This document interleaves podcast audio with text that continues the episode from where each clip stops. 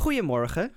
Goedemorgen. Welkom bij Ochtendgeiten, de show die jou een goede start van je dag geeft. Wij zijn gastgeiten. Ik ben Sam. En ik ben Jeroen. En eh, deze week gaan we het hebben over papier. Hoe maak je papier? Hoe maakten ze vroeger soorten papier, waaronder perkament? Ehm, en wat is de toekomst van het papier? En eh, daar kun je lang en breed over praten, maar ik kan het ook gewoon lekker luisteren. Dus veel plezier.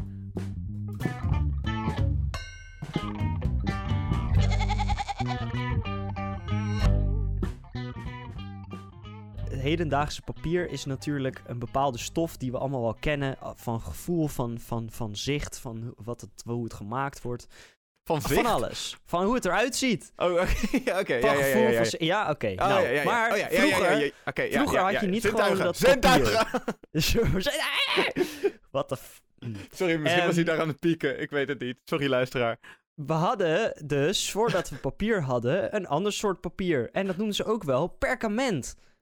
Ehm, maar, dat had ook een andere naam. Ook wel velijn of vellum. En dat is dus een heel dun, papierachtig materiaal. Gemaakt van huid van kalveren, koeien, geiten, schapen, konijnen of zelfs ezels. Perkament is vernoemd naar de stad Pergamon. Uit de klassieke oudheid in het huidige Turkije. Nou, Oh, Weet ook weer waar die naam vandaan komt. Dat vroeg ik me dus altijd al af. Eh, niet van eh, de, de Harry Potter serie dus. Ehm, moet wel zeggen dat het daar niet is uitgevonden, maar het is daar wel verbeterd. Ehm, dus dat is ook wel, eh, we moeten ze niet alle credits geven. Ehm, perkament is vooral bekend als schrijfmateriaal voor handschriften. Eh, daar kom ik zo meteen op terug. De Attaliden, een volk van vroeger, die vestigden in hun hoofdstad Pergamon dus de bibliotheek van Pergamon. De bibliotheek werd door Attalus I begonnen in, de la- in het laatste decennia van de derde eeuw voor Christus. Dus de laatste decennia van de derde eeuw voor Christus. Oké, dat is zo 300 voor Christus. Ongeveer 290. Nou, de 290. 300, laatste dus 210. Ja, jezus. 210, Niet meer ja, is- Nadenken. Goed, anyway. em, later verder ontwikkeld, de bibliotheek dus, door eh, de zoon van Attalus I, ook wel Eumenes II. Em, de verzameling zou 200.000 tussen aanhalingstekens boeken hebben gehad. Zo! Em, dat is heel veel. ja, Em, dat was wel veel. dat is nu al heel veel. En dat was toen echt bizar veel. En dat Zeker. is nog, nog steeds een understatement. Ehm, Pergamon concurreerde met Alexandrië. En om de pergamenen dwars te zitten, sneed Ptolemeus V de export van papyrus af. Het oude Egypte was net zo goed als de enige bron voor papyrus. Eumenes II paste een traditionele methode van de Ionische Grieken toe, dat zijn ouderwetse Grieken, Ehm, waarbij in plaats van papyrus behandelde schapenhuiden werden gebruikt. Het woord perkament kwam van deze nieuwe vorm van pergameens papier. Dikkere huid kon moeilijk zoals papyrus worden opgerold en daarom werden ze aan één zijde aan elkaar genaaid, waardoor een boek met pagina's of ook wel een codex ontstond. Deze Ah. boeken waren gemakkelijker te lezen dan een perkamentrol. Ehm, dus hey, vooruitgang en zo, ja, ontwikkelingen. dat is- Ja, dat is wel nice dat, dat zoiets dan inderdaad ontstaat vanuit schaarste. Ja, ja, inderdaad. Ehm, het oudste perkament dateert van 2700 voor Christus en is in Egypte gevonden. Ehm, perkament bleek beter en sterker te zijn dan papyrus, maar het was ook duurder, veel duurder. Ehm, perkament werd in de middeleeuwen veel in Europa gebruikt om op te schrijven, omdat het gebruikelijke papyrus vochtgevoelig is en niet lang houdbaar in het natte Europa. Het minder gevoelige papier eh, bestaat al vanaf de 14e eeuw, maar werd aanvankelijk als minderwaardig schrijfmateriaal beschouwd. Dus het papier zoals wij dat vandaag de dag kennen, ehm, werd gewoon als minderwaardig beschouwd. Ja, nou ja, dat eh, Je zou het maar te horen krijgen als stukje Ja. papier zijnde. inderdaad. Ben je gewoon een boom geweest, heb je zo je best gedaan en dan word je als minderwaardig beschouwd. Ongelooflijk. Dat is wel zielig. Dat is wel zielig. Ehm, nou, perkament van kalfshuid had de beste kwaliteit. Ehm, vaak werd het eh, purperrood geverfd en beschreven met zilver of goudkleurige inkt en was daardoor duurder dan andere perkamentsoorten. Deze soort wordt dus ook wel vellum of velijn genoemd. Dat is dus de, de, de, de, de fijnste, verfijnste vorm. Um, perkament heeft gemiddeld een dikte van ongeveer 0,6 mm, maar er zijn variëteiten die aanmerkelijk dunner of dikker zijn, afhankelijk van de gebruikte soort huid. Het is in elk geval aanzienlijk dikker dan het huidige schrijfpapier van ongeveer 0,1 mm dik. Ja, nou, dat is, uh, dat is volgens mij wel een bekend uh, feit, dat het perkament een stukje dikker is. Mm -hmm. um, nou, hoe werd het nou gemaakt, uh, dat perkament? Daar heb ik een, een, stappenplannetje, een ouderwets stappenplannetje voor. Um, een dier werd eerst geslacht, helaas. Um, en de huid werd eraf gehaald. Huid werd langdurig geweekt in stromend water om hem zacht en helemaal schoon te maken. Um, dan werd het in kalkwater gelegd. Daardoor gingen de haarwortels en de vleesrestjes uh, uh, loszitten. Dat werd er voorzichtig afgehaald met behulp van een soort sikkelvormig mes. Dan werd het opgespannen op een houten raam, waardoor het vel een, een, een glad oppervlakte kreeg. daarna werd het nog een keer afgeschraapt en tenslotte gepolijst met uh, puimsteen en kalk. Het uh, perkament werd op maat gesneden en net als papyrus tot hele uh, lange stroken aan elkaar geplakt en om een stokje heen gerold tot een boekrol. Um, in Latijn ook wel volumen. Um, ofwel dubbel gevouwen tot een, een, een, een boekdeel, uh, zeg maar. Net zo lang dubbel gevouwen tot het een stapeltje was. Um, en dat noem je dan een boekkatern. En aan elkaar genaaide boekkaternen werden een codex genoemd. De laatste uh, vorm kwam ongeveer, nam ongeveer plaats vanaf, nou ja, laten we zeggen, plusminus 100 na Christus. En was een eeuw later de meest gangbare boekvorm geworden van deze codexvorm. Cool. Um, dus, daar is, dus die ontwikkeling is een beetje hand in hand gegaan. Um, zowel van het perkament als van de, het boek. Perkament was hierna klaar om te worden beschreven. Um, en ja, het, het, heeft twee kanten. De ene kant was oorspronkelijk de haarzijde en de andere de vleeszijde, logischerwijs. Mm -hmm. um, en de haarzijde is ruwer dan de vleeszijde en ook iets donkerder van kleur. In een middeleeuws boek werden over het algemeen in een boek twee haarzijden tegen elkaar gelegd. Daarna twee vleeszijden, twee haarzijden enzovoort. Als het boek wordt opengeslagen worden dus twee dezelfde zijden tegenover elkaar zichtbaar. Een voordeel van perkament uh, boven papyrus was dat men bij perkament geen last had van verticaal lopende vezels aan de achterkant. Um, ja, dat schrijft een beetje lastig. Beide zijden konden dus gemakkelijker worden beschreven, uiteraard. Uh, maar ja, het, het uh, bespaarde dus ook materiaal. Een nadeel was dat perkament van natuur opkrult, vooral in de hoeken, en dat het meer glimt dan papyrus, wat minder goed leest. Dus alles, alle, allebei hadden zijn voor- en nadelen. Ja. Um, veel handschriften uit de middeleeuwen zijn door monniken op perkament geschreven. Uh, dat werd gedaan met ganzenveerpennen en rietstaafjes, uh, die in, in, zo noemden ze dat, ijzergalles inkt werd gedoopt. Als versieringen Lekker. werden onder andere miniaturen getekend en ingekleurd met verf. Um, nou, dat kennen we allemaal wel uit de ouderwetse middeleeuwse boeken. Um, er werden ook veel versierde uh, letters gebruikt. Vooral de initialen, de beginletters van hoofdstukken, versierde je. Monniken kopieerden vooral veel andere, oudere boeken. En zo zijn door de middeleeuwen heen veel boeken uit de oudheid voor ons bewaard gebleven. Hier hebben we het al een keertje uh, heel kort over gehad tijdens de middeleeuwen aflevering. Um, maar dat is dus op perkament gedaan. Cool. Um, bij het schrijven maakte men uh, vaak gebruik van hulplijntjes. Die werden gemaakt door aan weerszijden van elk vel met een speld een verticale rij gaatjes in het materiaal te prikken. Um, en dan trok je met de bottenkant van een mes uh, horizontale lijnen tussen de gaatjes en ook een paar verticale lijnen om in kolommen te kunnen werken.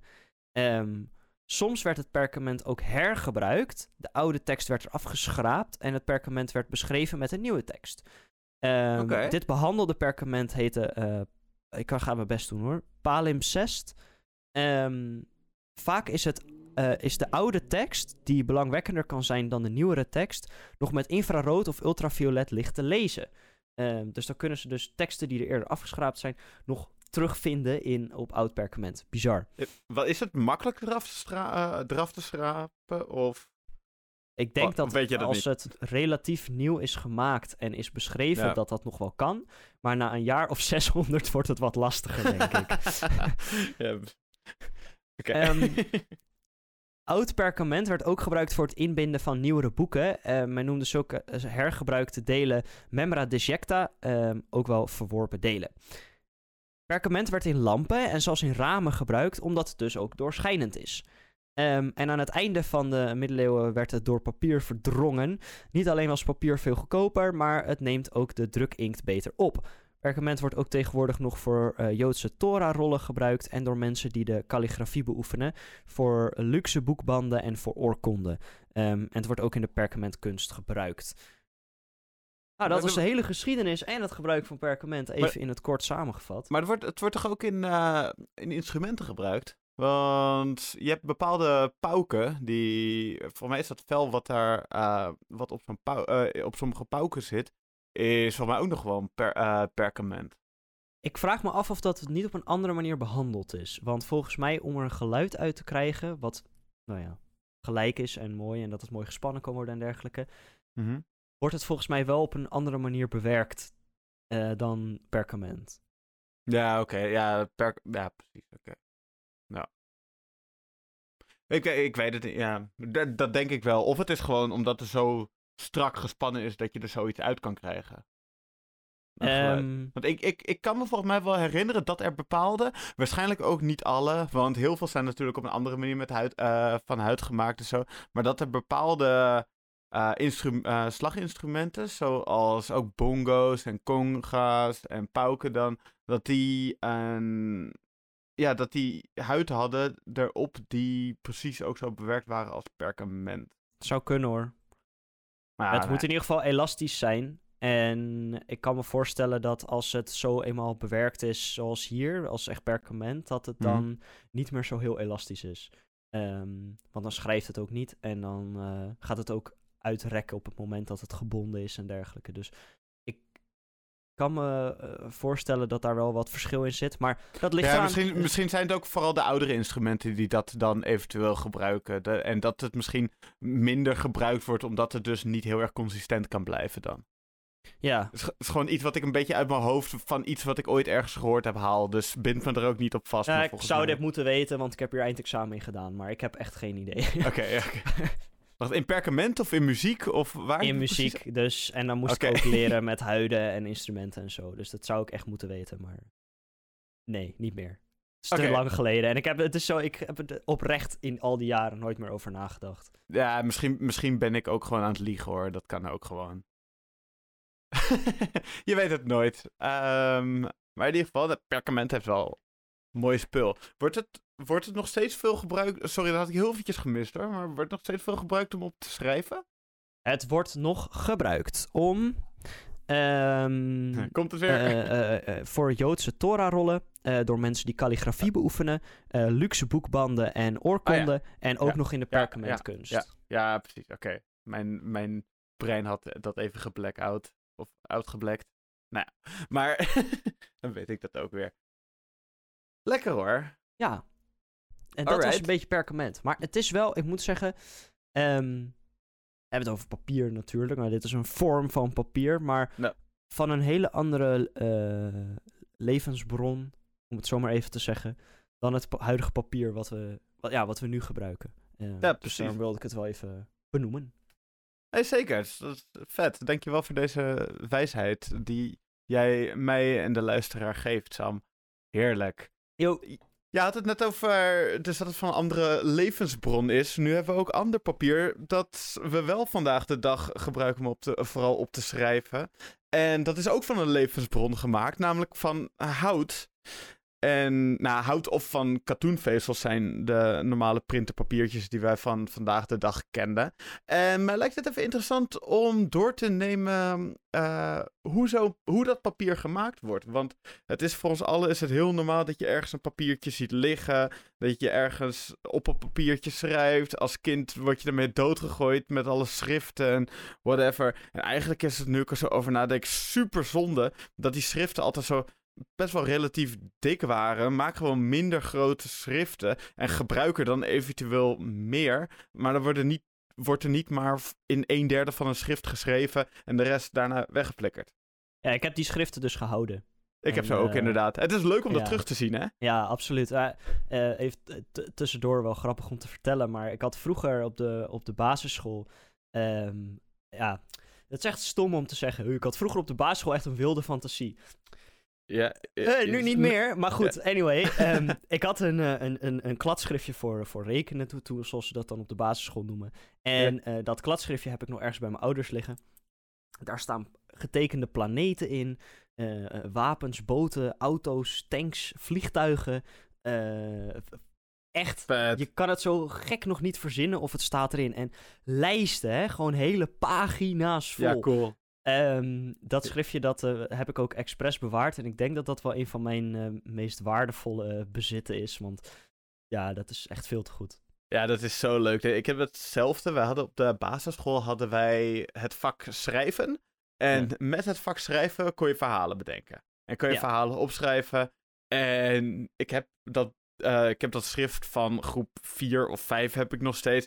En dan zie je gewoon op elke pagina. Is dan een kort verhaal. Soms echt over hele random dingen. En mensen die. eh, marsmannetjes die komen. Of iemand die door een UFO meegenomen wordt. Of inderdaad iemand die, eh, die op een andere planeet aankomt. Gewoon al dat soort dingen die je als, ja, als creatief kind gewoon gaat opschrijven tijdens dat soort lessen. En ook Ja. overal van die plaatjes bij. Dus ik herken Ja. dat heel erg. En Dat is zo leuk om nog te hebben. Ik heb hem hier ook nog steeds in de kast staan. Ja, ja even een stukje nostalgie eh, opgraven. Ja, heerlijk. Heerlijk. Maar het klopt inderdaad. Ik ben het ermee eens dat die schriften te dik zijn. Ehm, En eh, ja, dat ze ze beter dunner kunnen maken. En dat er dan niet zo heel veel papier wordt weggegooid. Ja, precies. Want eh, het is toch allemaal zonde. Want het is allemaal hout. Ja, of zo, ja, dat is wel echt het meeste hout. Maar het is ook deels katoenvezels, maar vooral hout. Katoen kost toch wel een stuk meer water ook om te groeien dan een boom. Dus dat is ook wel, eh, nou ja, Het het is, ge- verhoudingsgewijs in ieder geval. het, is niet het du- meest duurzame, maar daar Nee. zouden we het vast straks na de, na het, de vreedbreek, om het even te noemen, eh, zouden we het over hebben. Ja, en we hebben dat ook al voor een deel genoemd, als we het over katoen hebben, in de kledingaflevering. Een van onze Ja. allereerste afleveringen. Klopt. Dus eh, luister die lekker terug, want dat is mooi om daar, ja, om dat te zien. En ook leuk dat je dat zo goed herinnert. Want we zitten nu op aflevering 48. Het is zo Dus- specifiek. Ja, maar het is, het is mooi hoe jouw brein dat sprongetje maakt. Ik vind het fijn dat jouw brein een brug trekt tussen een van de eerste afleveringen en nu. Ja. word ik gelukkig van. Waar ik ook gelukkig van word, is het proces hoe papier gemaakt wordt. En dat bestaat uit verschillende fases. En ik ga even doornemen zodat jij weet hoe zo'n proces van papier maken in elkaar zit. Nou, daar beginnen we lekker bij. Fase 1. Hout of katoenvezels wordt gebraakt tot, in een tot het in kleine deeltjes uitvalt. En braken, dat is niet dat het wordt uitgekotst door iemand. Braken houdt in dat het gewoon even niet, eh, niet gebruikt wordt, waardoor het hout in kleine stukjes afsterft. En hierna worden de vezels verdund met water tot er pulp ontstaat en vervolgens wordt deze pulp in een reservoir geplaatst. Nou, daar komen we aan op fase 2. Pulp wordt vervolgens in een onderbroken stroom op een bewegende draaizeef gedoseerd. De bewegende, eh, bewegende draad wordt mega... Ik zei draaischeef, excuses, ik bedoel draadzeef.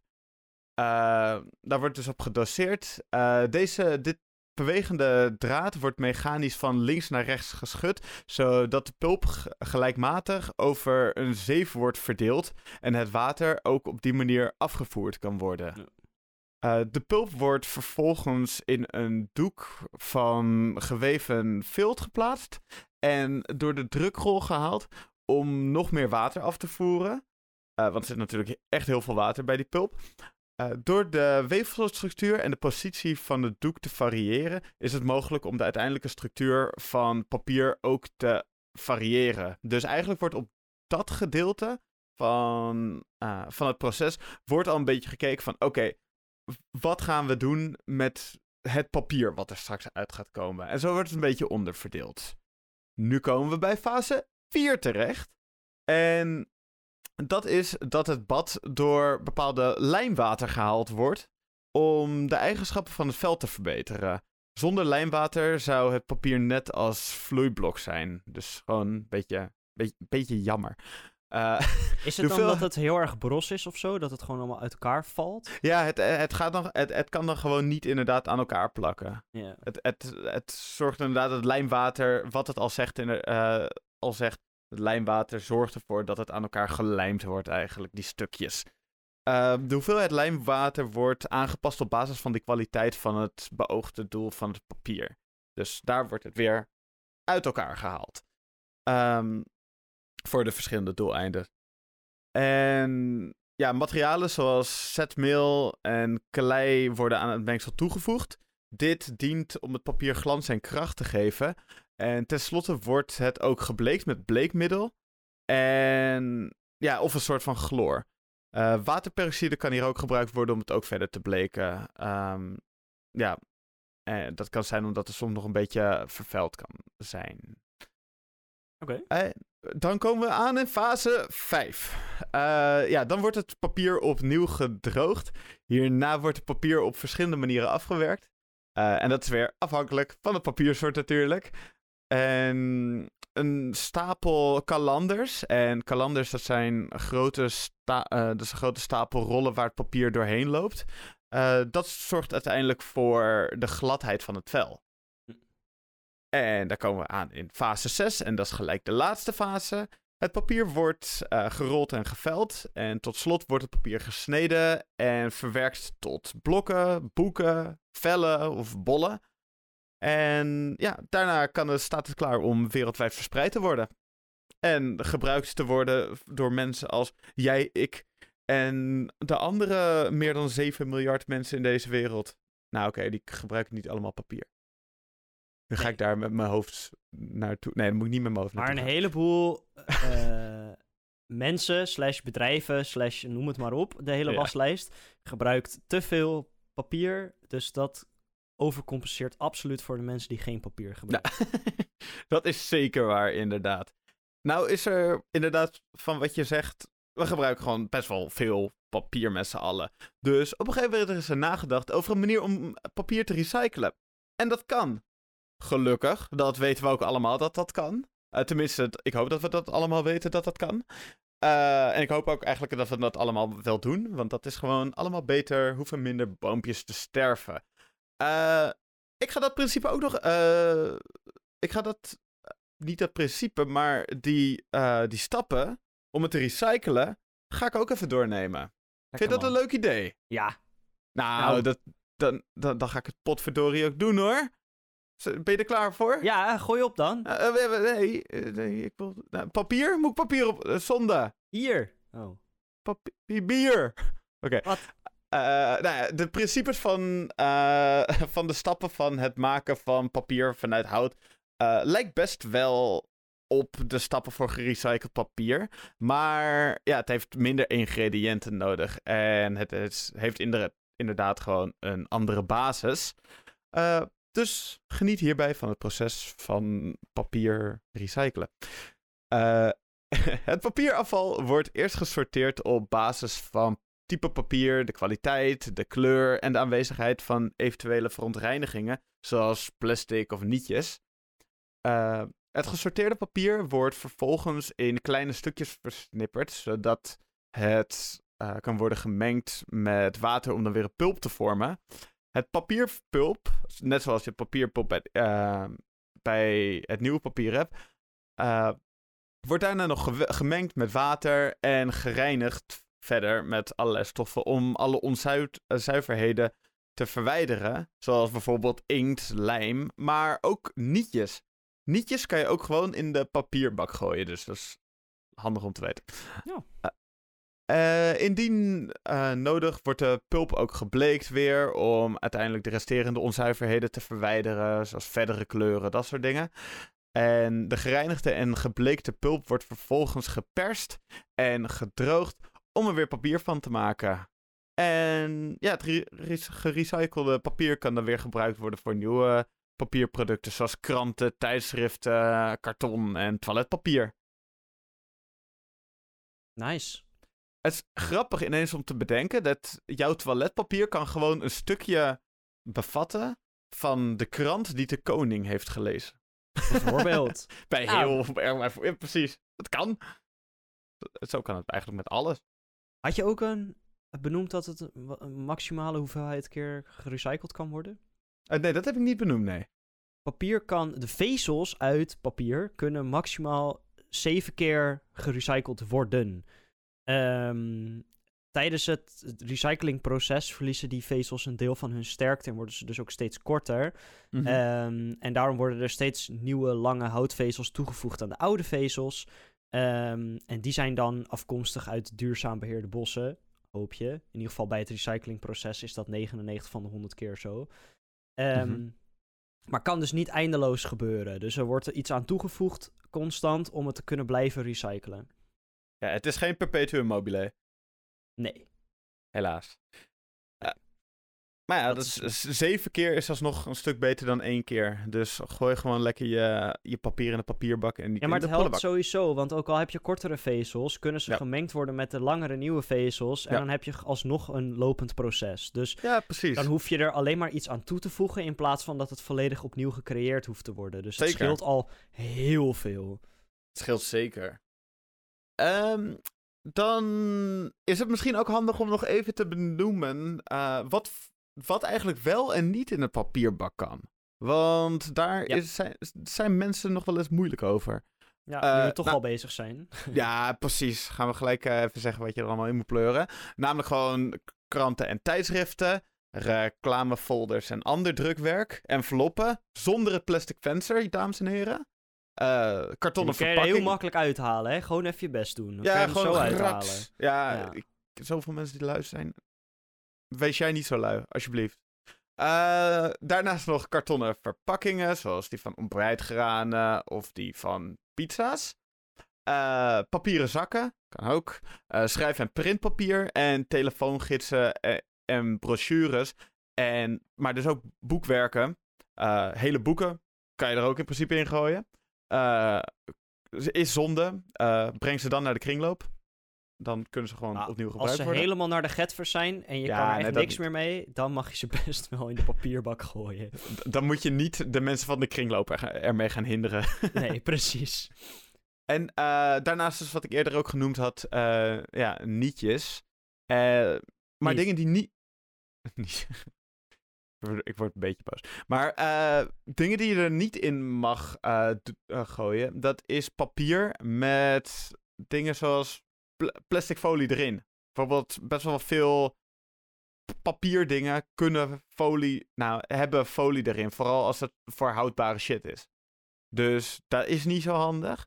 Uh, verder is het ook niet handig om etensresten in te gooien. Dus wanneer je bijvoorbeeld een pizzadoos hebt, wanneer er redelijk wat vet in op die pizzadoos zit. Zoals je wel eens bij sommige bepaalde pizzeria's hebt. Ik heb geen naam genoemd, ik ben echt trots op mezelf. Dan, uh, ja, die moet je gewoon niet daar, moet je gewoon niet erin gooien. Die kan je beter dan gewoon bij het gewone grofvuil, bij de restafval gooien.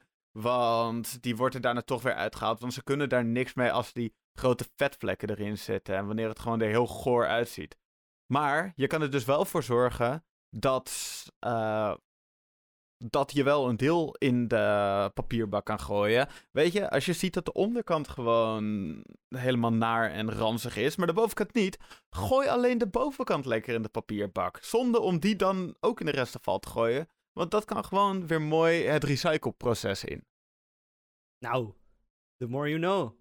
Hell yeah. Nou, dat, uh, dat is alles wat ik tot nu toe te, te, vertellen heb over het recyclen van papier. Nu ben ik wel erg benieuwd waar jij mee komt dit, nou, uh, deze keer met je recept en of dat wat met papier te maken heeft. Nou, kijk. Um, je hebt papier wat je natuurlijk in de papierbak kan gooien.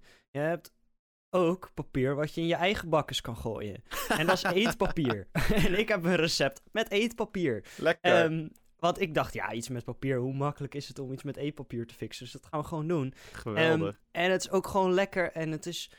Er zit wel suiker in. Maar daar kan je natuurlijk eventueel een vervanger voor fixen. Mocht je dat willen. Wees creatief, weet je wel. Doe je best. Um, maar het zijn kokosmacronen. En die zijn toch fucking lekker. Dus dat... Kokosmacronen uh, zijn zeker fucking lekker. Met een, met een subtiele uh, citrus twist. Ehm, wat heb je nodig? Je hebt nodig 120 gram gerapste kokos, 100 gram suiker, 2 eitjes, een halve theelepel bakpoeder, een snufje zout, een verse limoen en 9 halve velletjes eetpapier. En die kan je gewoon in de winkel kopen van Look Kun je gewoon doen. En dan heb je eetpapier. Ik dacht dat je Ehm, het recept van eetpapier ging geven, maar nee, dat niet. nee, nee, dat had gekund, maar ehm, nee. Maar was niet. Het is voor ongeveer 9 van die, van die lekkere ma- Ehm, dus ja, je kan, je kan het recept ook nog aanpassen, mocht je meer of minder willen. Eh, proportioneel, want dat kan dus met dit recept. Nou, goed. Wat doe je? Je verwarmt je oven voor op 180 graden. Dan pak je een kom, daar klop je je eitjes in los. Dan schep je je, je kokos, je suiker, je zout, je bakpoeder allemaal lekker er doorheen. Je wast je limoen, je raspt de schil boven je kom. Ehm, luister, belangrijk om te weten. Als je een limoen raspt, rasp dan alleen het groene. eh, want het witte deel is bitter. Niet Ja. doen. Dat is hetzelfde als je limoncello wil maken. Gewoon, eh, eh, dat is echt volledig iets anders, dat weet ik. Maar eh, ga pas echt op dat je niet te veel van die witte spullen in limoncello deed. Ik had het gelukkig niet, maar ik ken wel iemand die te veel witte spullen in limoncello had gedaan. Nou, dat was bitter. Maar daarom zeg ik altijd bij het raspen van zo'n ding alleen de buitenste schil en niet het witte deel. Dan snij je limoen in het Dat midden en, en dan knijp je sap uit boven het kommetje met waar al je lekkere spulletjes in zitten. Alles schep je goed door elkaar heen. Ehm daar bak, pak je een bakplaat. Ehm, daar leg je wat bakpapier op. En dan verdeel je eh, negen halve velletjes eetpapier over het bakpapier. Ehm, je, je- ja, je hoeft rondjes, niet per se rondjes te knippen. Dat hoeft, niet, dat hoeft echt niet. Ehm, je kunt ze het beste bijknippen, mocht je dat nog willen, als ze al gebakken en afgekoeld zijn. Want het gaat ook nog een beetje van vorm veranderen. Ehm, dan schep je op elk velletje eetpapier met een eetlepel een bolletje van, het, van, je, van je kokosmengsel. Ehm, je eh druk elk bolletje voordat hij op de bakplaat belandt heel eventjes aan met je hand. En dan wordt je koekje straks goed stevig. Ehm, nou, dan bak je ze eh, ongeveer 15 minuutjes goudbruin en gaar. Een paar tips nog als laatste. Komen ze er een klein beetje bleek uit. Je kan ze zo langer in de oven doen. Dat maakt echt niet uit. Ehm, iedere oven is tenslotte anders. En dat is hiermee maakt het niet uit als het er langer in zit. Ehm, je kan ook eventueel limoen vervangen voor citroen. Als je dat lekkerder vindt. Ehm, ja, makkelijk, snel. Klinkt en lekker. Ja. Nice. Ehm, dit is. eh, ja, je kan het natuurlijk ook zonder eetpapier maken. Maar eh, eh, het is gewoon een. Dan past het niet meer bij de aflevering. Nee, maar dat maakt ook niet uit. Maar het gaat erom Ma- dat het gewoon een hele ervaring is dat eetpapier. Maakt niet uit, maakt niet uit! Ik, ik, zit hier, ik zit hier voor mijn lol een aflevering te maken. nou, maakt wel uit. Gewoon, je doet er maar van dat eetbare papier bij. Potverdorie. Ehm, dit is iets wat je eh, in de toekomst lekker gewoon kan maken vanaf nu. Ehm, wat eh, ook heel erg in de toekomst relevant is, is papier. Ehm, Ja. En hoe dat gemaakt wordt, hoe dat gebruikt wordt, eh, hoe dat eh, weggegooid wordt, is niks nieuws. We hebben het er al eventjes over gehad. Maar Mhm. en een klein beetje over hebben wat, wat er allemaal mogelijk is, welke processen er al zijn. Ten eerste dat, dat je daar gewoon lekker bewust van bent. Maar eh, ten tweede, eh, ehm, ja, misschien kan je er wat mee. En ehm, ja, toch wel een beetje het behoud van, eh, van, van ons eh, stukje rots eh, in deze eh, veel te grote ruimte. Ehm, een heleboel processen. Ik heb hier een artikeltje met eh, heel veel uitleg, heel verschillende processen. En ik wil eigenlijk alles wel benoemen, want het is echt super interessant. En er zitten te- dingen tussen waarvan je denkt, hoe dan? Wat? Hoezo bestaat dit? Ehm, Cool. Dit is een, natuurlijk, het gebruik van papier is wereldwijd gigantisch. Dat is Ja. niet te bevatten hoe groot dat is. En daarom is het ook mooi dat er zoveel alternatieve processen zijn voor het maken slash recyclen van papier. Ja, want ik zeg ergens eerder vandaag zag ik ook dat het eh, dat jaarlijks iets van eh 5 miljard vierkante meter, eh, sorry, 5 miljoen vierkante meter wordt gekapt voor papier. Qua bomen. Dat, Ja. dat is veel. Dat is niet nodig, joh. En als we inderdaad, wat jij zegt, deze mooie rot willen, eh, willen houden. En mooi willen houden. En eventueel nog een beetje natuur erop willen hebben. Dus het is handig om dat even niet te doen met bomen. Want bomen zijn super kostbaar. probeer maar eens een boom te planten, joh. Ja, ehm, ja, nee, ja, precies. Ba- plant een boom. En kijk hoeveel moeite en tijd het je kost om die hele ene boom te laten groeien. Ehm, Ja. of, of doe dat even eh, mentaal of zo. Denk erover na. Maar dat is flink veel moeite en flink veel tijd vooral. En als dat gewoon in één keer omgejekkerd wordt. Alleen maar eh, om, eh, om een, een klas schoolkinderen dat vervolgens weer weg te laten gooien. ehm, is dat gewoon een beetje zonde. Eerlijk, Dus. ik, denk, ik denk eigenlijk dat, dat, dat iedereen gewoon één boom zou moeten bouwen. Bou- moeten bouwen. Zou moeten, zou moeten bouwen. Zou moeten planten. Gewoon om, om alles een beetje in perspectief te zetten. Ik heb het een keer gedaan. Ja? Ehm, niet een, niet een, een, een, een nieuwe eh, eh, kleine mini-mini-mini boom, maar wel een, een boom. Een redelijk Mhm. jonge boom nog. Ehm, en die is nog bij mij in de buurt, dus die kan ik ook eh, bezoeken. Dat is, ja. Ja, maar dat soort dingen. Dat, dat zou, zouden ze eigenlijk gewoon verplichte kost moeten maken. Dat iedereen van een, van een bepaalde leeftijd, die krijgt een boom. En deze boom, deze kunnen ze planten waar ze... eh, Daar kun je een of ander bomenbos maken. Stel, we hebben dan een, een Nederla- Nederlands bomenbos. Daar staan, er net, daar staan dan net zoveel bomen in als mensen die die leeftijd zijn, geworden. En dan kan iedereen gewoon naar dat bomenbos komen, eh, komen om gewoon even lekker te gaan relativeren met z'n allen hoe, hoe, hoe fucking geniaal de aarde is. En hoe, dat je niet zomaar een dingetje moet omstoten, joh. Ja. En Nee, ik denk eens. dat er dan om, op een andere manier door veel mensen met de aarde omgegaan zou zijn geworden. Ben ik het mee doen. eens. Het is wel een logistiek puzzeltje, maar het moet mogelijk zijn. Het moet zeker mogelijk zijn. Als we het allemaal om kunnen gooien, dan kunnen we het ook planten. Echt zo hoor. Potverdorie. Ehm, Oké, ik ga eventjes door de processen heen. Want ehm, wat ik net dus al eventjes noemde, eh, één belangrijk feit is dat gerecycled papier dus niet eindeloos gerecycled kan worden, omdat die vezels steeds korter worden. Nou, Ja. goed. Daar wordt gewoon lekker wat bijgegooid, dat is prima. Ehm, maar dan hebben we papier. Ik ga gewoon even een lijstje af van verschillende soorten papier. En we beginnen bij FSC papier. Ferdinand Simon eh, Cornelis papier. Ehm, we kiezen voor het behoud, behoud van bossen, hopelijk. En daarom ehm, kan je eh, FSC-papier gebruiken voor al je printdrukwerk en dergelijke.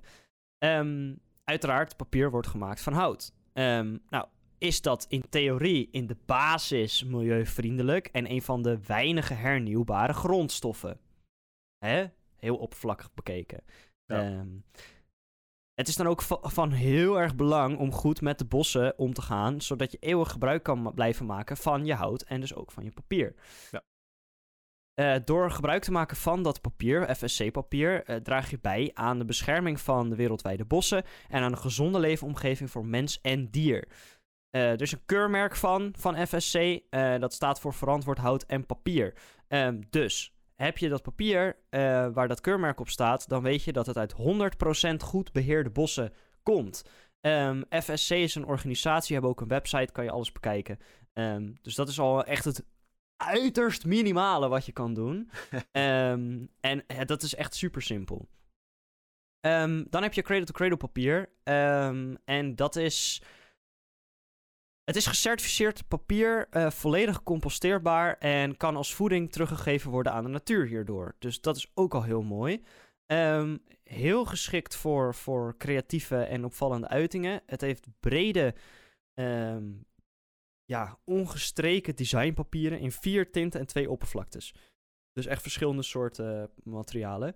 Ehm, Mhm. Standaard kwaliteit eh, wordt geleverd met een glad oppervlak. Dan heb je een, een, een soort wat, wat ja, eh, hoe noem je dat? Ruigere variant.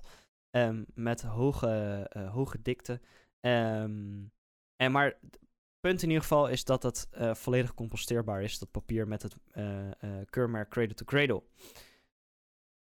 Dat zijn even de standaard papiersoorten. Daar nu waar dat het gemaakt wordt van bijzondere dingen, spullen, objecten, stoffen, Hm, hoe je het Hey, ook wil je- noemen. wacht, dat waren net, net waren van de gekke stof, toch? Net waren niet van de gekke stoffen. Oh, net net waren twee stoffen. Keurmerken waren- die je in ieder geval kan Oh, checken wat echt het meest Zo. simpele ooit is. en ehm, die eh, in ieder geval een Oh ja. duurzaam proces gebruiken bij het maken van het papier. Duidelijk, excuses. Je hebt gelijk. Maakt niet uit. Ehm, dan heb je Paperwise. En dat is een papiersoort die volledig gemaakt wordt van bladeren en stengels die overblijven van de oogst. Uh, dat is dus boomvrij. Um, bij de verwerking van gewassen als rijst, tarwe, gerst, koren, mais, hennep en suikerriet blijft maar liefst 80% van de plant, in vorm dus van stengels en bladeren, over als reststof. Dat noem je ook wel landbouwafval. Um, het grootste deel van dit afval wordt momenteel verbrand, waardoor waardevolle grondstoffen verloren gaan en er dus ook milieuvervuiling naar de bodem en de lucht ontstaat. Um, te hoge asconcentraties en dergelijke, ja, noem het maar op. Wat mensen niet, uh, wat mensen vaak niet weten is dat uh, bomen, die vangen natuurlijk binnen dat hele proces van uh, fotosynthese, pakken ze superveel ja, koolstofdioxide uit de lucht. En ko koolstofdioxide, dat verdwijnt niet zomaar. Ja, het wordt afgescheid met, uh, met zuurstof. Dat wordt dan weer uh, omgezet in water, voedsel voor de boom en zuurstof. Maar een belangrijk deel voor de voedsel van de boom is de koolstof. Een heel groot deel van een boom is koolstof. Het is, het is bijna, het is gewoon één groot ding koolstof eigenlijk, een boom. Dus op het moment dat je ook uh, papier verbrandt, ben je gewoon koolstof aan het verbranden. En wanneer je boom verbrandt, ben je gewoon koolstof aan het verbranden. En daarom is dat ook zo'n hele slechte manier van, van papier afkomen. Om het te verbranden, want dan ben je eigenlijk gewoon ja, pure koolstof uh, ben je lekker in de lucht aan het spuiten. Ja, inderdaad. En Paperwise, dus dat bedrijf, benut dat volledige landbouwafval, wat dus normaal gesproken uh, uh, verbrand zou worden. Ze pakken zoveel mogelijk daarvan um, en dat zetten ze in als grondstof voor papier en karton. Um, dit heeft dus niet alleen milieu-impact. Um, 47% lager uh, impact op het milieu dan papier van bomen. En 29% lager milieu-impact dan gerecycled papier. Um, het heeft ook een sociaal impact, waar landbouwafval normaal waardeloos is voor de boeren in bijvoorbeeld India en Zuid-Amerika. Dat zijn in dit geval de productielocaties van Paperwise. Um, en daarom dus ook verbrand wordt, vormt het door Paperwise een inkomstenbron. Um, en daar waar kleinschalige arme boeren normaliter, nou ja, uh, voor 20% van de plant inkomsten krijgen, ontvangen ze nu ook inkomsten voor 80%, de andere 80% van de plant. Um, Mede door het bedrijf kunnen de fabrieken in India en Zuid-Amerika investeren in lokale projecten op het gebied van scholing, gezondheidszorg en infrastructuur, waar het fabricatieproces gericht is op veiligheid, zero waste en behoud van ecologie. Nou, dat is dus niet alleen voor het papier heel goed, maar voor veel meer dingen heel goed. En dat is uiteindelijk wat je wil uit een duurzaam proces, dat het zich als een soort van wortelnetwerk verspreidt en uh, meer doet dan, uh, dan in de basis alleen maar het, het milieuprobleem tussen aanhalingstekens aanpassen. Want er is veel meer, er is veel meer. En dat, dat heeft, uh, het is ook een, een, een, een sneeuwbaleffect. Het, het doet veel meer. Ja, zeker. Um, Mag ik een leuke er tussendoor gooien? Zeker. Uh, namelijk uh, was een mooi RTL-artikel, uh, RTL Nieuws-artikel uit 2021. Die had het over de toekomst van papier. Zit in papier van zeewier. Vind ik ook wel een interessante. Ja, is een hele interessante. Dat je zeewier kan gebruiken om, dat, om papier te maken. Maar dat is net zoals papier maken met, met algen. Dat is ook een ding wat kan. En dat is ook tof dat dat, uh, dat dat kan. Want ja, je hebt vooral algen, die kan je gewoon kweken. Die kan je gewoon ook best wel redelijk makkelijk kweken. Uh, die nemen ook allerlei stoffen, zoals CO2 en zo, nemen ze in zich op. En die hebben eigenlijk ook een soort heel fotosynthetisch uh, synthetisch proces. Maar die kan je gewoon kweken. maar het is wel zo dat met algen heb je, loop je bijvoorbeeld tegen dingen aan zoals blauwalg. Ja, dat bestaat uit draden. Dat is top. Kan je mooi papier van maken. Maar is wel giftig. Ja, en uh, daarom kijken ze vooral naar zeewier. Nee, precies, inderdaad. Algen is een mogelijkheid. Dat was ook een uh, aantal jaar daarvoor. Was dat uh, in het nieuws dat er echt iets. Dat daar een zieke doorbraak in was, volgens mij, als ik me goed herinner. Maar ja, dat helaas. helaas, inderdaad, wat jij zegt. Toch wat giftiger en toch wat minder fijn. Uh, ik heb mezelf er niet inge uh, ingedoken in hoe dat precies in elkaar zit. Met hoe je van zeewiersoorten, uh, ja, hoe je daar papier van kan maken. Maar het kan wel. En ik vind het heel vet dat dat een mogelijkheid is. Ja, zeker. Ja, het is echt, ja, het... Ja, Maar er moet natuurlijk, zoals in dat hele proces wat je zei, er moet genoeg pulp zijn. Ehm, omdat er gewoon een gigantische vraag is. En dan Ja, pas precies. kunnen de fabrieken ermee aan de slag. Dus er moet geïnvesteerd worden in een fabriek die dit soort pulp kan verwerken. Ehm, ja, en eh, dat is een kwestie van tijd. Dat gaat gebeuren. Maar dat duurt gewoon eventjes. Dat heb je niet 1, 2, 3 opgezegd. Je kan niet zeggen van... Oh, hé, hey, ik pak een, eh, een papierfabriek die het van hout maakt. En eh, we gooien daar zeewier in en het wordt papier. Dat, dat gaat niet. Dus dat is ook wel iets wat je kan beseffen. Dat zoiets moet, heeft tijd nodig om dat proces... het proces moet sowieso gefine-tuned worden, zodat het gefabriceerd kan worden. Maar ook de fabriek moet komen. en dat is best Ja. wel een, eh, een dingetje. En, en daaromheen moet de hele distri- eh, distributie ervan. Dus zie het als een, eh, als een lange termijnsmogelijkheid. Maar er zijn dus al wel een aantal processen. En eentje heb ik dus net benoemd door middel van landbouwafval. Maar een andere papiersoort wordt, wordt de stonepapier genoemd. En eh, die papiersoort bestaat voor 80% uit steen in plaats van boomvezels. Ehm, het steen wordt helemaal gemalen tot poeder, ehm, calciumcarbonaat. En eh, wordt vermengd met 20% eh gerecycled HDPE. Dat is een schone kunststof en die bestaat uit koolstof en waterstof. Dus ja, dan heb je wel koolstof, maar ehm, het is een, een kunststof die in het proces... Het is ten eerste gerecycled, eh, dus het komt al uit, eh, uit gecreëerde dingen. Ehm, en ten tweede is het een, een schone kunststof, hè, dus er blijft niks eh, in achter. En ook bij het proces ervan. Een groot voordeel van steenpapier is de hoge scheurweerstand en het feit dat het materiaal watervast is. Dit maakt het geschikt voor grafische producten die lang mee moeten gaan of buiten worden gebruikt. Denk aan fiets- of wandelkaarten, posters, maar ook aan notitieboekjes. Kop koffie of thee erover, geen probleem, afvegen met een droge doek en er is niets aan de hand. Oh, nice. Ehm, de footprint, de ecologische footprint van stonepaper is eh 67% lager dan van pulppapier. Het materiaal wordt geproduceerd zonder gebruik te maken van water, gif of bleekmiddelen. Ehm, ter vergelijking, eh, bij de productie van 1 ton pulppapier wordt 2700 liter water gebruikt. En bij Mm. stone eh, paper is dat dus nul. Ehm, ook is het eh, Kiwa gecertificeerd en heeft het een eh, C2C zilver certificaat. Eh, dus dan gaan we komen weer terug op het cradle-to-cradle eh, eh, eh, certificaat waar ik het net over had. Ja. Ehm, ja, steen. Had jij die verwacht? Nee, had ik niet Ik ook. verwacht. Echt niet. Ik ook echt niet. Heel vet. Ehm, dan hebben we papier gemaakt van olifantsgras. Ehm, dat groeit op braakliggende terreinen in Nederland. Het is een snel groeiend gewas dat hele grote hoeveelheden CO2 opneemt. Vier keer meer dan bomen. Ehm, en het is ook eh, leuk om te weten dat het geheel in Nederland wordt verbouwd en geproduceerd.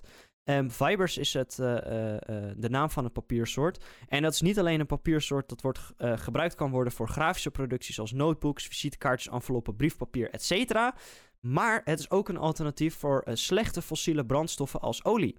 Hierdoor wordt fibers ook veel gebruikt eh, voor alternatieven voor plastic.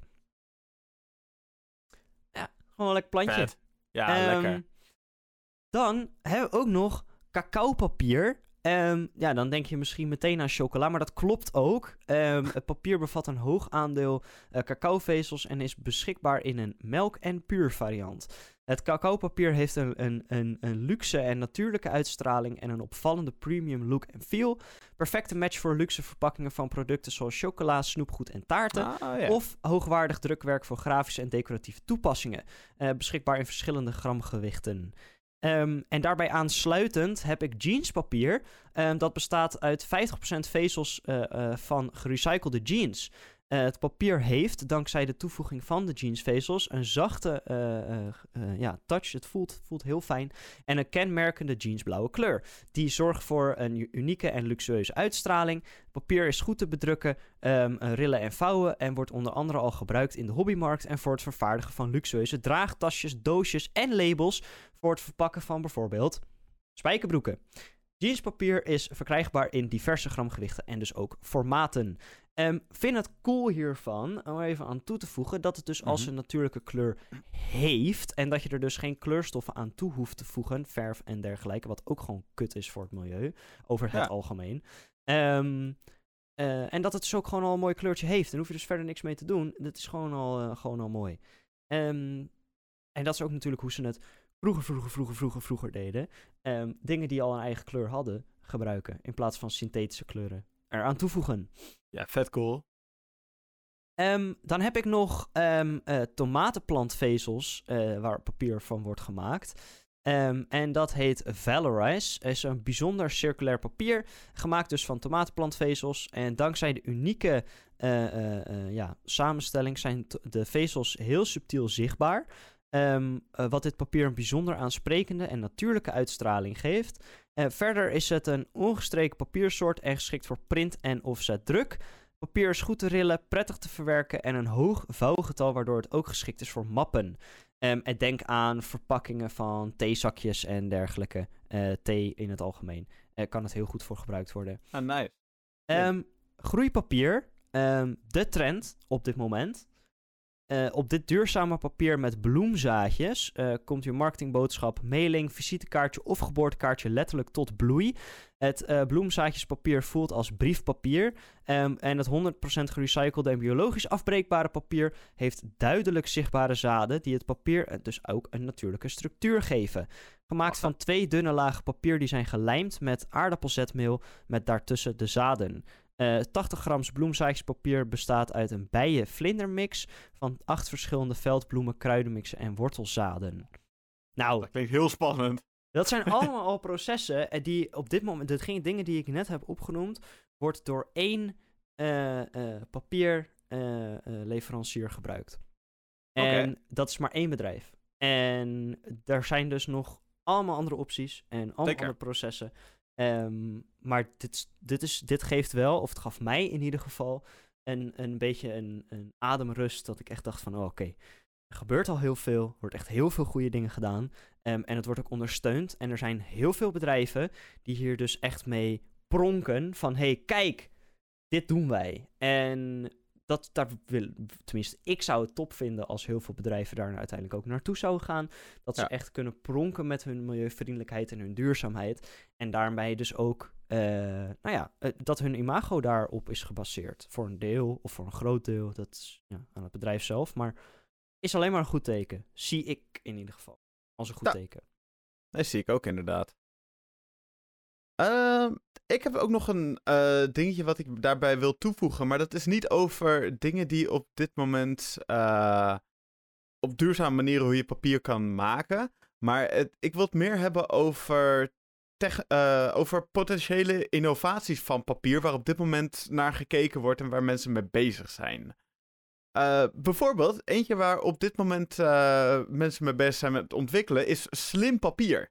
En wat is slim papier, hoor ik je zeggen? Nou, slim papier is papier dat is uitgerust met elektronische componenten, zoals sensoren, transistors en LEDs. Dit papier bevat, uh, ja, dat kan worden gebruikt voor het maken van bijvoorbeeld interactieve boeken, tijdschriften en uh, ja, bijvoorbeeld reclamemateriaal. Maar dat is dus gewoon papier waar, waar alle componenten en dat soort dingen gewoon in verwerkt zijn. Dus je ziet ze niet los erop liggen of zo. Dus je kan, je kan je het voorstellen van wat je bij Harry Potter ziet. Dat je een krant pakt en dat je een bewegende afbeelding erop hebt. Dat zou dan eventueel met, met papier kunnen. Ja. Dat is wel sick shit. Uh, daarnaast is een andere die ik tegen was gekomen, is uh, papieren textiel. En dat is wel een handige duurzame oplossing.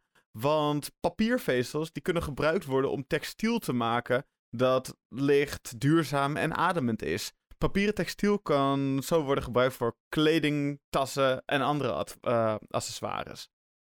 Dus dat is weer even wat anders dan, uh, dan gewoon een textiel wat je nu allemaal vindt in de kleding. En het kan eventueel ook dus duur, duurzamer worden. En wanneer ze dan manieren vinden hoe ze papier nog duurzamer kunnen maken en papiervezels duurzamer kunnen maken, dan zou dat al helemaal fijn zijn. Ja, nice. Dat uh, is inderdaad uh, very nice. En wat ook heel erg nice zijn, zijn papieren filters. Uh, papier kan namelijk worden gebruikt om filters voor te maken voor lucht- en waterzuivering. Daar heb je natuurlijk al deels met bijvoorbeeld koffiefilters, daar kennen we dat idee al. Maar je kan het ook op uh, nog meer manieren toepassen. En ze zijn daar nog steeds, steeds verder in aan het graven van op wat voor manieren kunnen we het allemaal toepassen als filters. Zodat zowel grote stukken als kleine stukken die door een filtersysteem gaan, allemaal eruit gevist kunnen worden. En ja, heel veel van die eh, dingen, zoals vooral luchtzuiveringssystemen, uh, die, ja, dat kan gewoon gebouwd worden. Maar ook waterzuiveringssystemen in ontwikkelingslanden. Waarbij gewoon dat soort mensen geholpen worden om schoon drinkwater te krijgen. Dat vind ik wel een hele vette innovatie. Ja, ik hou van innovaties. Het is ook niet voor niet mijn werk. Um, en dan wil ik even bij de laatste komen, die ik uh, hierbij op wil noemen. En dat is de papieren batterijen. En dat klinkt raar. Want. Uh, hoi, hoi. Hoezo? Kan je, hoe, hoezo kan je batterij van papier maken? Hallo, hè, hè? Precies wat jij, dat geluid wat jij maakte ook. Ik weet niet, eh, kan je het nog een keer doen? Nee. Ah, shit. Nou, als je het nog een keer wil horen, moet je de, uh, de podcast een paar, minu uh, paar minuten, een paar seconden terugzetten. Dan hoor je het geluid nog een keer. Maar dat geluid, ja, dat, dat is echt bizar. Uh, nou, niet het geluid, maar het feit dat papieren batterijen bestaan. Want papieren batterijen, dat is wel handig. Want batterijen gaan steeds een groter probleem worden. Uh, want lithium, hier hebben we het echt laatst ook al over gehad. Yep. Kijk, hoeveel afleveringen geleden? Sam, Twee. dit weet jij. Twee afleveringen geleden. Zie je, dat, dat is dat is te, te ver weg voor mijn geheugen. dus twee afleveringen uh, geleden hadden we het inderdaad over dat het echt een probleem gaat worden met batterijen, omdat lithium tekort, uh, ja, omdat er een lithium tekort komt. En daarom zou dit een redelijk goede, poten potentieel goede oplossing zijn. Maar hoe werken uh, papieren batterijen? Nou, dat ga ik je even vertellen. Papieren batterijen zijn een type batterij dat gemaakt is van papier en koolstof nanobuisjes. Ze werken op basis van elektrochemische reacties tussen de elektroden die in de batterij en de elektro elektrolyt die tussen de elektroden stroomt.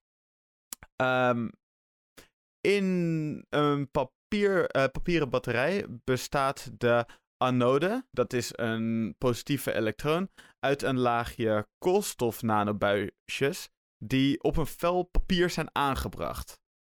De nanobuisjes vormen een, een netwerk van geleidende kanalen die elektronen door de buis kunnen ja, geleiden.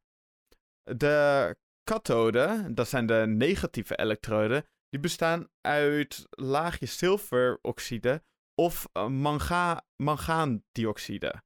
En dat kan ook op dat vel papier aangebracht worden. Uh, de elektrolyt uh, die tussen de anode en kathode stroomt, dus tussen de positieve en negatieve stroomt, kan bestaan dan uit een zoutoplossing of uit een gel. Wanneer de batterij wordt geactiveerd, begint, het, begint de elektrolyt te reageren met de anode en met de kathode waardoor elektronen vrijkomen. Uh, de elektronen stromen door de nanobuisjes in de anode en naar de kathode, waardoor er uiteindelijk elektrische stroom ontstaat. En vanuit die elektrische stroom kunnen elektronische apparaten van uh, stroom voorzien worden. En een van de andere, uh, een van de voordelen ook van dit soort type batterijen, dus van papieren batterijen, is dat ze flexibel en licht van gewicht zijn. Waardoor ze ook makkelijk uh, kunnen worden geïntegreerd in draagbare elektronica of andere apparaten die een, uh, ja, een lichte en flexibele stroombron nodig hebben. Bovendien zijn papieren batterijen biologisch afbreekbaar. Dat is dus echt insane, dat je een batterij maakt die biologisch afbreekbaar zijn. En ja, dit zou dus... dat, ja? dat zeg jij, dat dat insane is, maar dat is nu voor ons. En ik vind het altijd heel grappig ja, iets. Ja, ja, dat is perspectief. Want dat is een, een, uh, natuurlijk een hele actuele uitspraak van hè, het is nu bizar om dat te bedenken. Tuurlijk. Maar hopelijk met zo'n het... proces zeggen we over 20 jaar... waarom gebruikten we in godsnaam nog lithiumbatterijen... terwijl we nu gewoon batterijen hebben die recyclebaar zijn. En dat is... Ja, dat, ik hoop het, hè, oprecht, dat ja. het zo gaat. Maar dat, dat, zijn, dat vind ik altijd leuke dingen om over na te denken. Dat dat... Ja, dat nu gewoon... zeggen we dit, maar hè, over 20 jaar kan dat weer heel anders zijn. Ja, precies. Ik vind, het, het, is bizar, is altijd maar een tijdsaanduiding. En is Kwestie altijd maar inderdaad een momentopname. Ja, ja, een perspectief inderdaad. Uh, voor mensen die er wat langer aan werken, die denken waarschijnlijk van... Uh, waarom schiet dit niet een beetje op? Waarom wordt ja. dit niet al meer gebruikt of zo? Waarschijnlijk, ja. Wat hierbij ook nice is, is dat bijvoorbeeld echt de problemen waar, eh, waar ik het over had, omdat het zo, eh, zo relatief licht is en relatief flexibel, kan bijvoorbeeld zo'n elektrische auto of iets dergelijks. Zou, het probleem daarvan nu is, heeft een hele, heeft een hele zware accu erin. Eh, dat heeft eh, veel gewicht op het wegdek, waardoor het ervoor zorgt dat het wegdek ook sneller minder chill wordt. Dat moet dat uiteindelijk gefixt worden met beton of whatever er allemaal in zo'n wegdek zit. Is ook niet goed voor het milieu. Wanneer je dat dus kan vervangen met bijvoorbeeld lichtere manieren van eh, stroom, dus lichtere stroombronnen, dan is dat ook gewoon fucking nice. Want dan betekent dat gewoon dat je niet zo'n mokerzware auto nodig hebt, maar dat het wel gewoon elektrisch kan zijn. Ja. Ja. Nice. Nice. Dus Hey. m- mijn, mijn innovatiehartje die ging daar heel snel van bonken. En eh, dus daar werd ik wel, daar werd ik wel heel eventjes blij van. Eh, mijn innovatiehart gaat van nog meer dingen bonken. En dat is van muziek. Ja, ik wou net S- zeggen, hard bonken door muziek, dat, dat is natuurlijk echt, nou ja. We hebben het er altijd over, maar dat blijft Ja. gewoon een van de mooiste dingen. het is Ehm, ook leuk, trouwens, eh, voor de, voor de kijker thuis, om even een, eh, om even een beeld te geven. Ook altijd wanneer wij elkaar gewoon zien, eh, dan groeten we elkaar. En hi, leuk, gezellig. En dan wanneer we in een huis of iets dergelijks komen, is het eerste wat we gaan doen, is ehm, iets met muziek. Kijken Ja. naar muziek, luisteren naar muziek, praten over muziek. Dus dit is echt, dit is binnen onze vriendschap, is het gewoon een beetje, ja, toch, toch wel een middenpunt waar het omheen draait. Het is niet het middenpunt, eh, de vriendschap, nee, het is niet muziek is, daarbij, is een onderdeel van het vriendschap. Nee, vriendschap is onderdeel van de muziek. Ja. de muziek van het leven, toch? precies, precies, precies. Nou, we hebben ben- filosofie, ecologie, biologie, natuurkunde, eh, scheikunde zelfs. Mhm. Ehm, van alles eh, gehad, maar laten we eventjes eh, op de belangrijkste onderdeel komen. Nee, grapje. Maar wel een van de leukere onderdelen en dat is natuurlijk muziek. En ehm, jij, Jeroen, hebt een, een lied van een band die, waar je, nou ja, volgens mij best wel enthousiast over bent. En waar je mij ook al het een en ander over hebt laten horen en zien. En ehm, nou moet ik zeggen dat ik niet zo superveel over ze weet. Ondanks dat ik wel heerlijke muziekjes vind. Ehm, maar ja, jij hebt met een reden dit lied uitgekozen. Dus ehm, ja, vertel, brand los. Ja, dit is denk ik wel de favoriete band van mij op dit moment. Eh, ook al ja, verandert dat gewoon per dag. Eh, over het algemeen vind ik dit nu wel echt een hele leuke band. Dat is namelijk de band Rare Americans. En de Rare Americans, dat, ja, dan denk je alle rare Amerikanen. Eh, waarom heten ze nou rare Amerikanen? zel- zeldzaam, hè? Hallo, wel Zeldzame- goed vertalen. Ja, je, ja, je hebt wel gelijk. Het spijt me. Ik, ja, je hebt gelijk. Ja, ik kan er ook niks anders aan toevoegen. Je hebt gelijk. Nou, zeldzame Amerikanen. Die, eh, ze zijn zeker zeldzaam. Want eh, het zijn twee Canadezen en twee... Oh, shit. Eh... Bulgaren, Hongaren, iets, Tsjechen, iets uit Oost- Oost-Europa. Slowakije. Slowakije. Eh, de, van de band, die dus met z'n vieren zijn, is de gitarist eh, Lubo eh, Ivan. Dat is een Slovaak. En de gitarist Jan Sjaka is een Slovaak. Het idee dat ze bijna dat ze gewoon alleen voor toeren meegaan. Want overal staan alleen de twee broers afgebeeld. eh. Ja, maar je denkt dus dat, dat, dat, eh, dat een van die twee de broers eh, is. Ik bedoel, dat dat beide broers zijn, is niet zo. Eentje is gewoon de gitarist en de andere is de zanger. Dus eentje is Grappig. Lu- Lubo Ivan, de, Slowak, eh, de Slovaak. En de andere is James Prisoner, de zanger. Dus Ik kan het een- wel zien, nu je het Ja, zo zegt. Precies, het zijn geen broers. Eh, het, is inderdaad... Ik, ik heb Jared Prisoner, ik kan daar echt niks over vinden. I did my research. I found nothing. Maar, die band is fucking lijp. En wat die band maakt is... is cool. De muziek die ze maken vind ik heel tof. Ze hebben namelijk super grote production values. Gooien altijd heel veel geluiden en dat soort dingen door hun nummertjes heen en zo. Ehm, ik kan het niet definiëren, want het is zo, zo breed, zo, ja, ik kan het gewoon niet definiëren.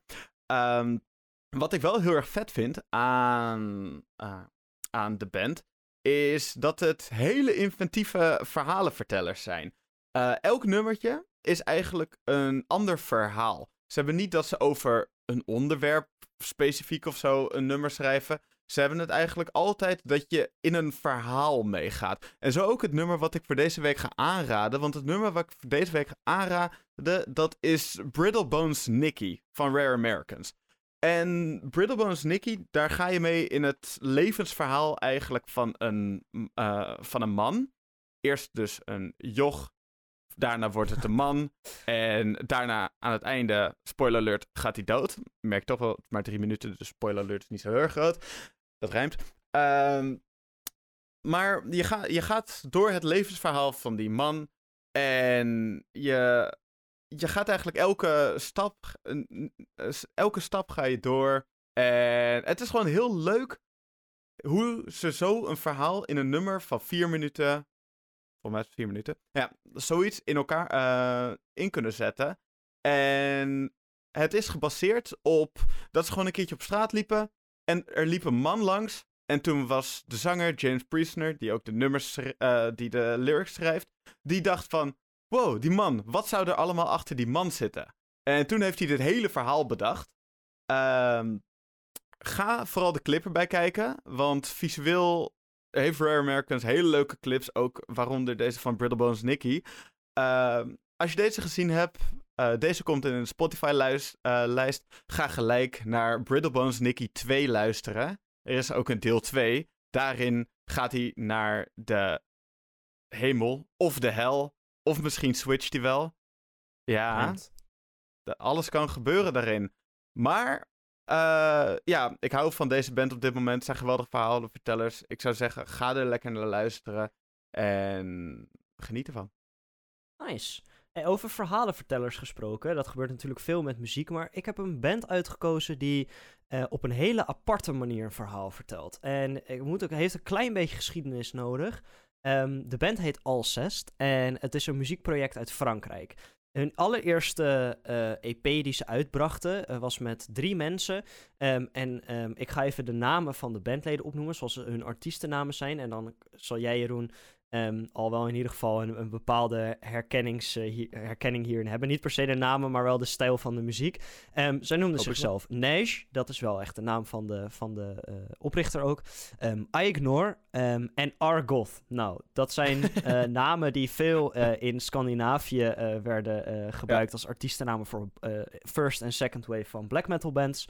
Um, om het echt helemaal niche te maken.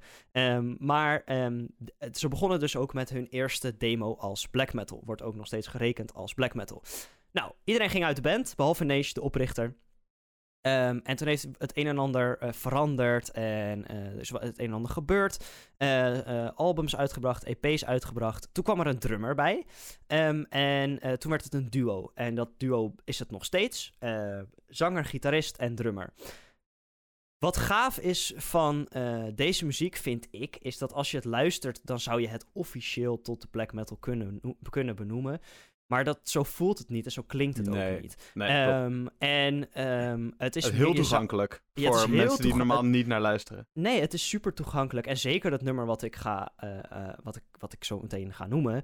Um, maar het is een soort ambience. Het brengt je in een bepaalde wereld. En dat is ook het idee van Neesh. Hij Um, als kind had hij fantasieën over een soort elfenland, een fantasiewereld.